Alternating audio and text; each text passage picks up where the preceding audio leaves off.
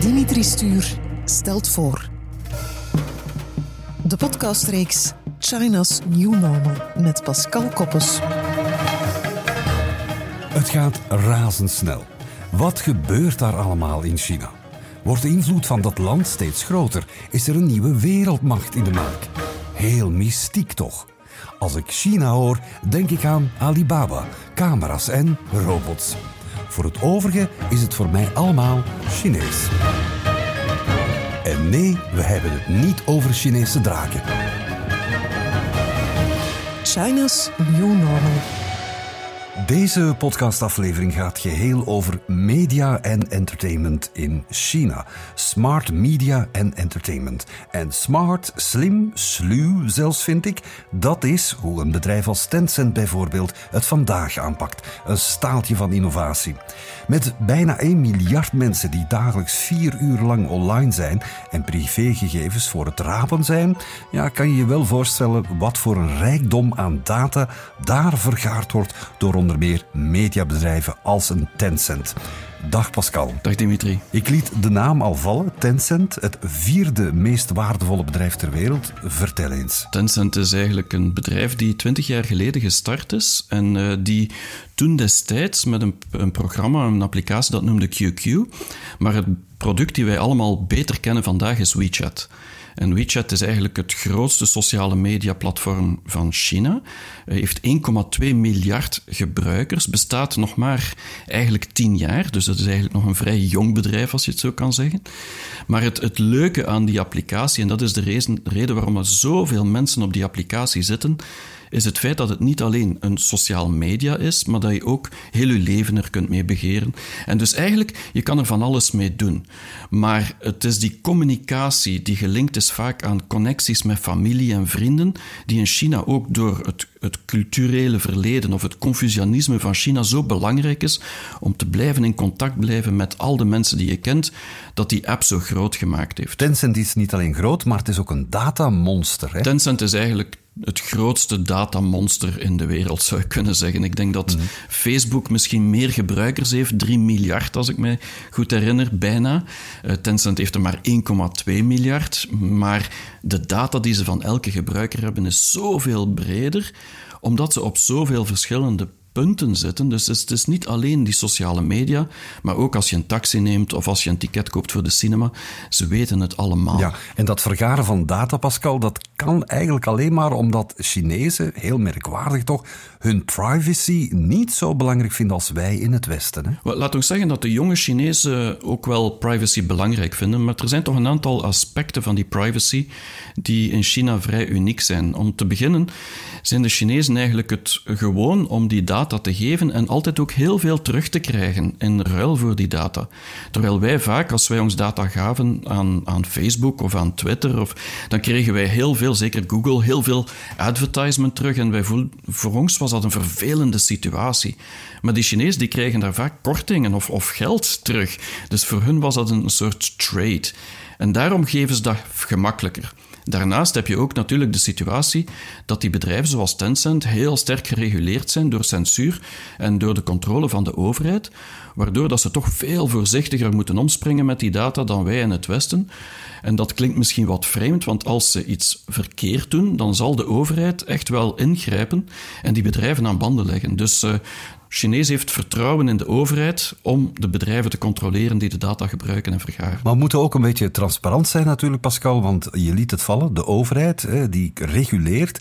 Maar je zou ook kunnen zeggen, ja, ze doen ook lekker aan propaganda. Ze hebben eigenlijk een grote vinger in de pap te brokken. Mediacensuur is hen alles behalve vreemd. Hè? Zeker. Uh, bijna alle staatsmedia in China, of alle media in China, zijn staatsmedia.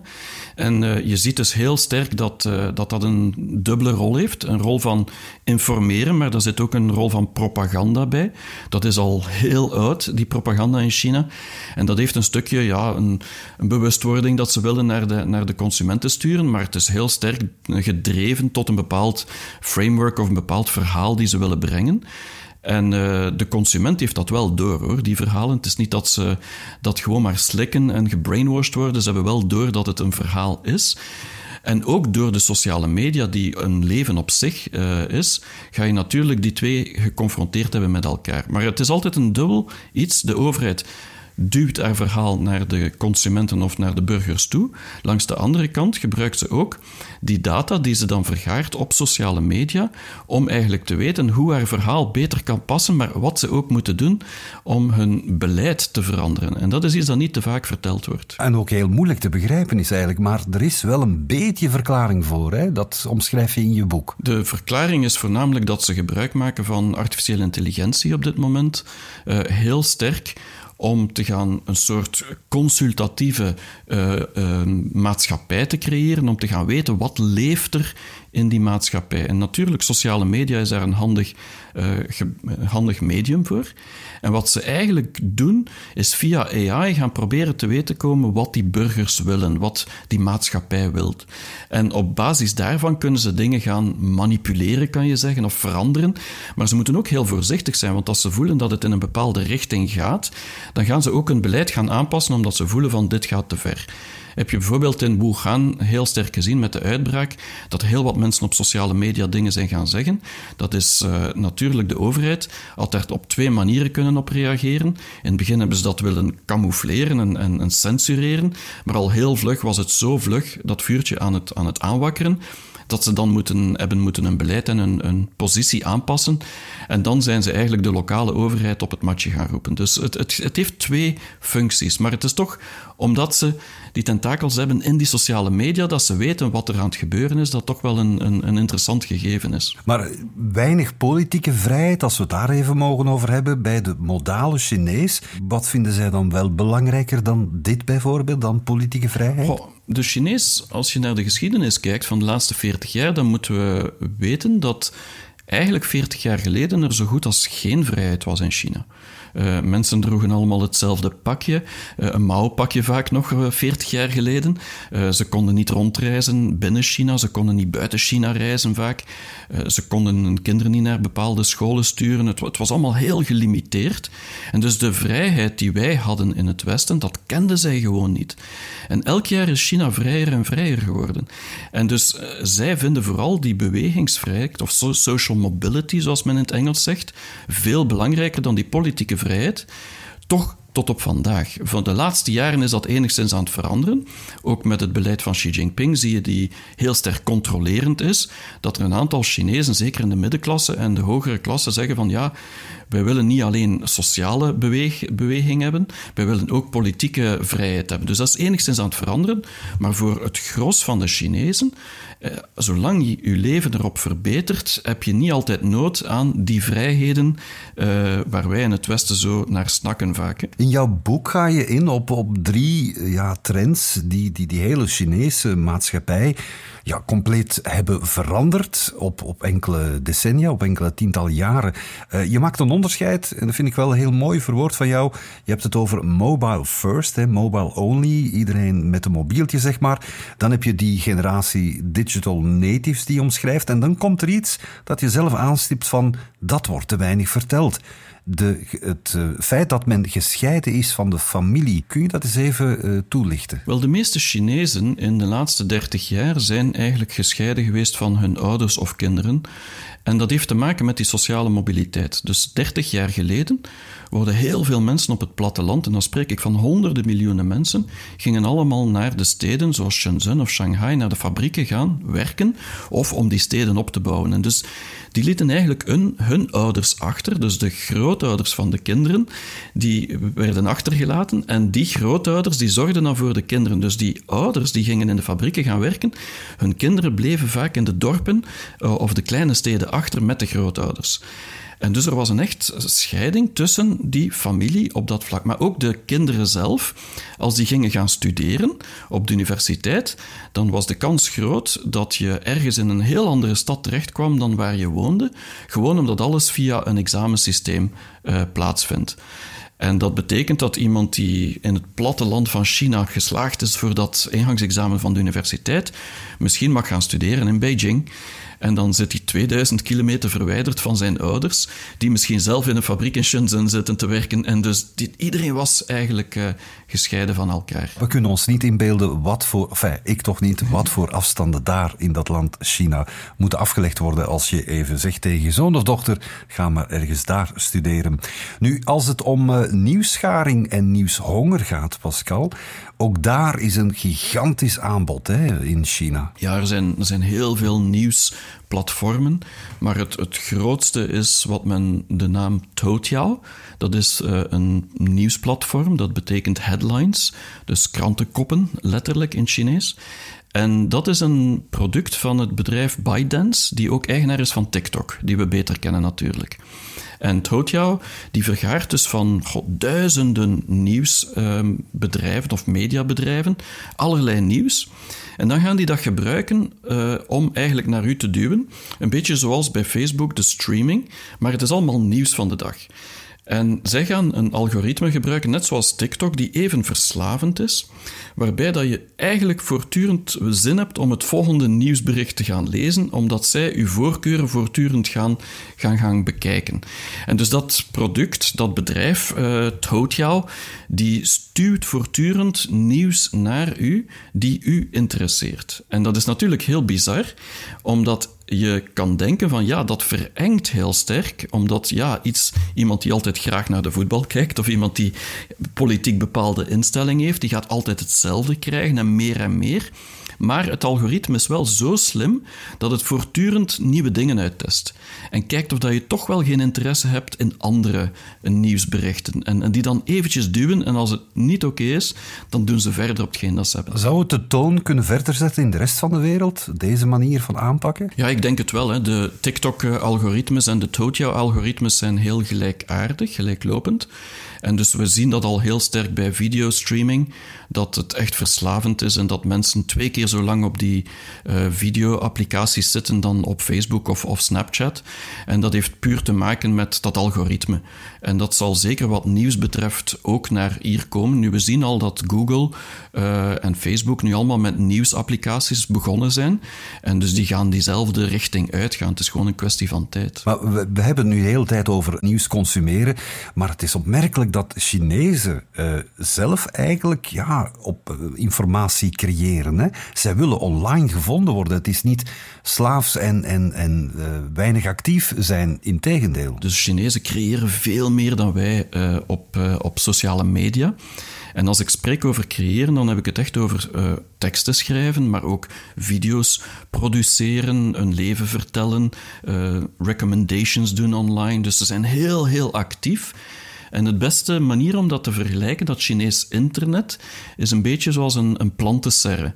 Uh, dat betekent dat je eigenlijk afgeschud bent van bepaalde dingen buiten die serre, maar binnen die serre, omdat je niet beïnvloed bent door wind en, en zon en allerlei natuurfenomenen, kan je heel sterk bloeien. En dus die planten staan eigenlijk allemaal in volle bloei. En, en dat is eigenlijk het Chinese internet is enorm bloeiend.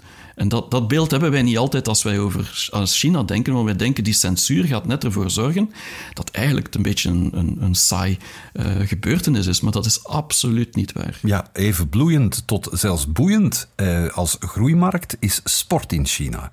Uh, er waren jaren geleden wel wat corruptieschandalen, Pascal, dat mogen we niet vergeten. Maar vandaag is het wel de next big thing. En zeker voor de overheid ook, hè? de sport, alle aandacht voor de sport. De overheid heeft heel veel aandacht voor de sport. En dat heeft natuurlijk te maken omdat ze alle Chinezen fit willen krijgen. Maar het is ook een, een gemakkelijk medium om eigenlijk propaganda en, en het, het mooie China en de Chinese droom naar voren te brengen. We hebben de Olympische Spelen gehad in 2008, nu in 2022. Uh, begin volgend jaar is er de Winterspelen in China. Het is trouwens het enige land die zowel de zomer- als de winterspelen ooit heeft gehouden. En het, het is echt massaal om al die Chinezen te tonen van wij zijn goed bezig als natie en wij staan samen sterk. Want sport, en dat is overal in de wereld, heeft een nationaal karakter. Uh, het heeft echt een karakter van wij horen samen. En daar speelt de overheid zeker op in, maar niet alleen de overheid, ook de bedrijven zetten daar massaal op in bedrijven zoals Alibaba of Tencent en anderen, omdat dat ook het de manier is om buiten China aandacht te krijgen zonder direct die connotatie te krijgen soms van de connotatie die mensen hebben over Chinese bedrijven. En omdat sport is iets waar iedereen naar kijkt. En je ziet dus heel veel sportmanifestaties, zelf in het Westen, voetbal en zo, waar dat er allemaal Chinese karakters staan, die ik kan lezen, maar dat ik mij altijd afvraag van, kunnen andere mensen daar wel iets van verstaan of begrijpen waar dat, wat daarop staat? Ja, want die sponsoring waar je het over hebt in sportevenementen, men kijkt daar echt niet op een euro, hè, zelfs wereldwijd niet. Hè, voor bedrijven als eh, een Alibaba, je liet het net vallen ook, Lenovo. Um, ja, niks is te veel voor hen hè, om zware of sponsoring te doen. Nee, het is, het is gigantisch die bedrag. Men spreekt echt over bijna miljard, miljarden van, van dollars. Uh, en vooral Alibaba is daar heel sterk mee bezig. Ook JD.com, Jingdong, de concurrent van Alibaba. Omdat zij als doel hebben om binnen de volgende tien jaar, tegen 2030, uh, bijna de helft van hun omzet buiten China te halen. En de sport is het vehikel eigenlijk om die promotie te doen naar klanten buiten, buiten de Chinese markt. Er is nog een lange weg af te leggen voor we ook echt succesvolle sportprestaties zullen zien uit China. Maar de beste sporters, Pascal, dat zijn blijkbaar de Chinezen in de virtuele wereld. E-gaming, dat is daar massaal. Hè? Niet enkel smart, maar vooral ook weer big money. En ook met een duister kantje, heb ik begrepen. Want het is één grote verslaving geworden intussen, die e-gaming. Ja, China is op dat vlak, wat e-sport of e-gaming betreft, is, is echt wel een voorloper. Nu, we hebben dat vorig jaar ook in Amerika gezien met die, dat grote evenement die plaatsvond. Waar dat een, iemand heel jong dan heel veel geld verdiend had omdat hij de nummer één was. Maar in China is dat, is dat een massaal gebeuren. En dat is ontstaan een stukje door de combinatie van eigenlijk die bedrijven, die uh, mediabedrijven zoals Tencent, sociale mediabedrijven, met dan de, de spelers zelf, omdat Chinezen zijn eigenlijk wel gokkers in een bepaald opzicht. Ze, spelen graag. Uh, maar het is ook sociaal heeft het een context. Als je kijkt naar de omgeving van China, die is enorm competitief. Dus je moet heel sterk vechten, heel hard vechten om er te geraken. Op school, op de universiteit. En, en uw hele familie duwt u eigenlijk om zo ver mogelijk te geraken. En sommige mensen kunnen dat gewoon niet aan.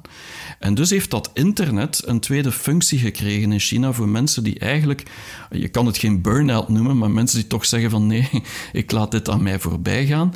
Uh, ik ga iets zelf doen. En wat zij zich in geworpen hebben, is vooral die, die gaming.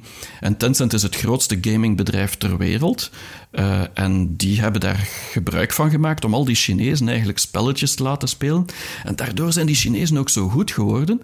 Ze zijn enorm verslaafd, sommigen. Er zijn zelf afkikcentra van, van die gaming. Maar langs de andere kant zijn er ook heel wat mensen die enorm populair geworden is. En is het een, een soort sport geworden voor de, de modale Chinees eigenlijk. Nu, het laatste onderwerp rond entertainment dat je beschrijft in je boek is iets dat we allemaal kennen natuurlijk, Chinees speelgoed. Maar we weten ook dat het niet altijd even veilig speelgoed was of is. Toch is daar al een tijdje verandering gekomen, want men neemt meer sociale verantwoordelijkheid op in China. Ja, in China is het, uh, is alsmaar belangrijker om eigenlijk te weten of de, de authenticiteit en de echtheid van dingen en dus uh, er is heel veel verantwoordelijkheid die opgenomen wordt door bedrijven zoals Alibaba en Tencent. Uh, maar ook JD.com, die eigenlijk de, de e-commerce platform is van Tencent, of bij, gehoord bij Tencent. Die zijn heel erg aan het kijken van hoe dat ze kunnen een verantwoordelijkheid opnemen naar de maatschappij toe. En dus bij Tencent, bij de gaming bijvoorbeeld, dat is één aspect, is het zo dat hoe jonger iemand is, hoe minder uren hij mag spelen. En dat is heel belangrijk, omdat ze die verslaving willen tegengaan. Maar dan heb je ook in de hele retail, dat is een, een verhaal die we volgende keer gaan zien, heeft ook te maken met die authenticiteit van producten en zo verder. En dat wordt heel erg benadrukt om toch wel verantwoord en, en, en eigenlijk een goede vader te zijn als bedrijven naar de consumenten toe.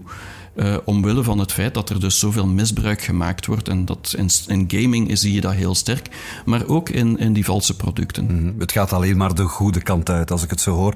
In de volgende podcastaflevering verleggen we het vergrootglas naar het onderwerp Smart Retail. Uh, ook daar stellen we merkwaardige veranderingen vast die ook impact hebben op de rest van de wereld. Zoals bijvoorbeeld e-commerce neemt daar een hoge vlucht in. Ja, e-commerce is nu vandaag de dag 40% van de wereld uh, e-commerce gebeurt in China. Dus ja, we moeten naar China kijken om te weten hoe onze toekomst van e-commerce er zal uitzien. Dat zal geen probleem zijn. Na die aflevering alles over ecosystemen, ook onder meer in China. En weten we misschien ook wat meer over het profiel van de Chinese consument. Hello Belgium, don't be afraid to learn some Chinese. Week after week, you will discover new Chinese words in this podcast series. Are you ready? Let's get started. We gaan voor uitbreiding, zoals beloofd. Voor uitbreiding van onze woordenschat, Pascal. Uh, we doen een schuchtere poging, althans. En wat is het eerste woord waar jij ons mee wil verblijden? Het eerste woord is uh, Meiwenti. Uh, het is eigenlijk drie karakters. En het betekent eigenlijk is er geen probleem. Uh, dat is heel belangrijk, omdat een, als Chinezen zeggen van dat ze akkoord zijn met iets of niet akkoord, dan is een ja soms klinkt als een nee, of je weet niet goed, is het een ja of is het een nee. Maar als ze mij hier zetten, dan betekent dat echt een ja. Dat betekent van, we zijn akkoord. Het kan ook gebruikt worden om mensen niet in verlegenheid te brengen. Uh, omdat soms, ja, als iemand iets niet oké gedaan heeft of zoiets, of niet juist geantwoord heeft, dan kan je dat gebruiken om te zeggen van, mij wint die, het, het is allemaal oké. Voor mij leek het voor mij ook thee, maar het is heel iets anders. Het tweede woordje, Pascal. Het tweede dat ik uh, eigenlijk wou zeggen is Mei Bangfa. Of Mei Yo Bangfa is uh, de langere uitspraak. En dat betekent eigenlijk dat je er niet veel kan aan doen. En dat is ook heel typisch in de maatschappij. Het is een van de woorden of woordjes die uh, buitenlanders enorm frustrerend vinden in uh, China, omdat je komt daartoe en je wilt iets doen en het is niet mogelijk. En uh, dat is mij bang van, mij bang van, mij bang van, zeggen ze altijd. En dat betekent eigenlijk van, zo is het nu eenmaal. En dus het vreemde is dat die mij die en die mij bang van eigenlijk tegenstrijdig zijn. Alles is mogelijk in China, mij die.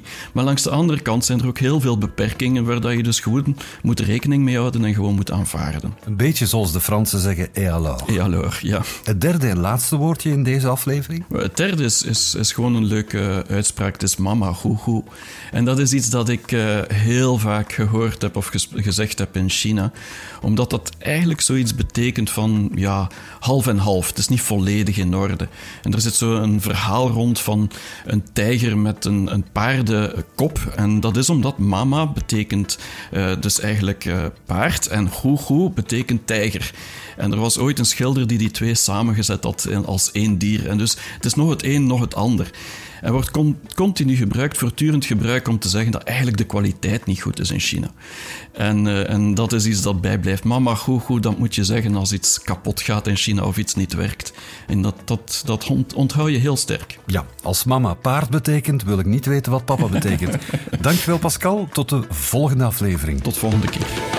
We zetten de drie Chinese woorden nog eens op een rijtje met de sympathieke hulp van Ninzin. Mei wen ti, mei wen ti, mei ban fa, mei ban fa, ma ma hu hu, ma ma hu hu. China's New Normal.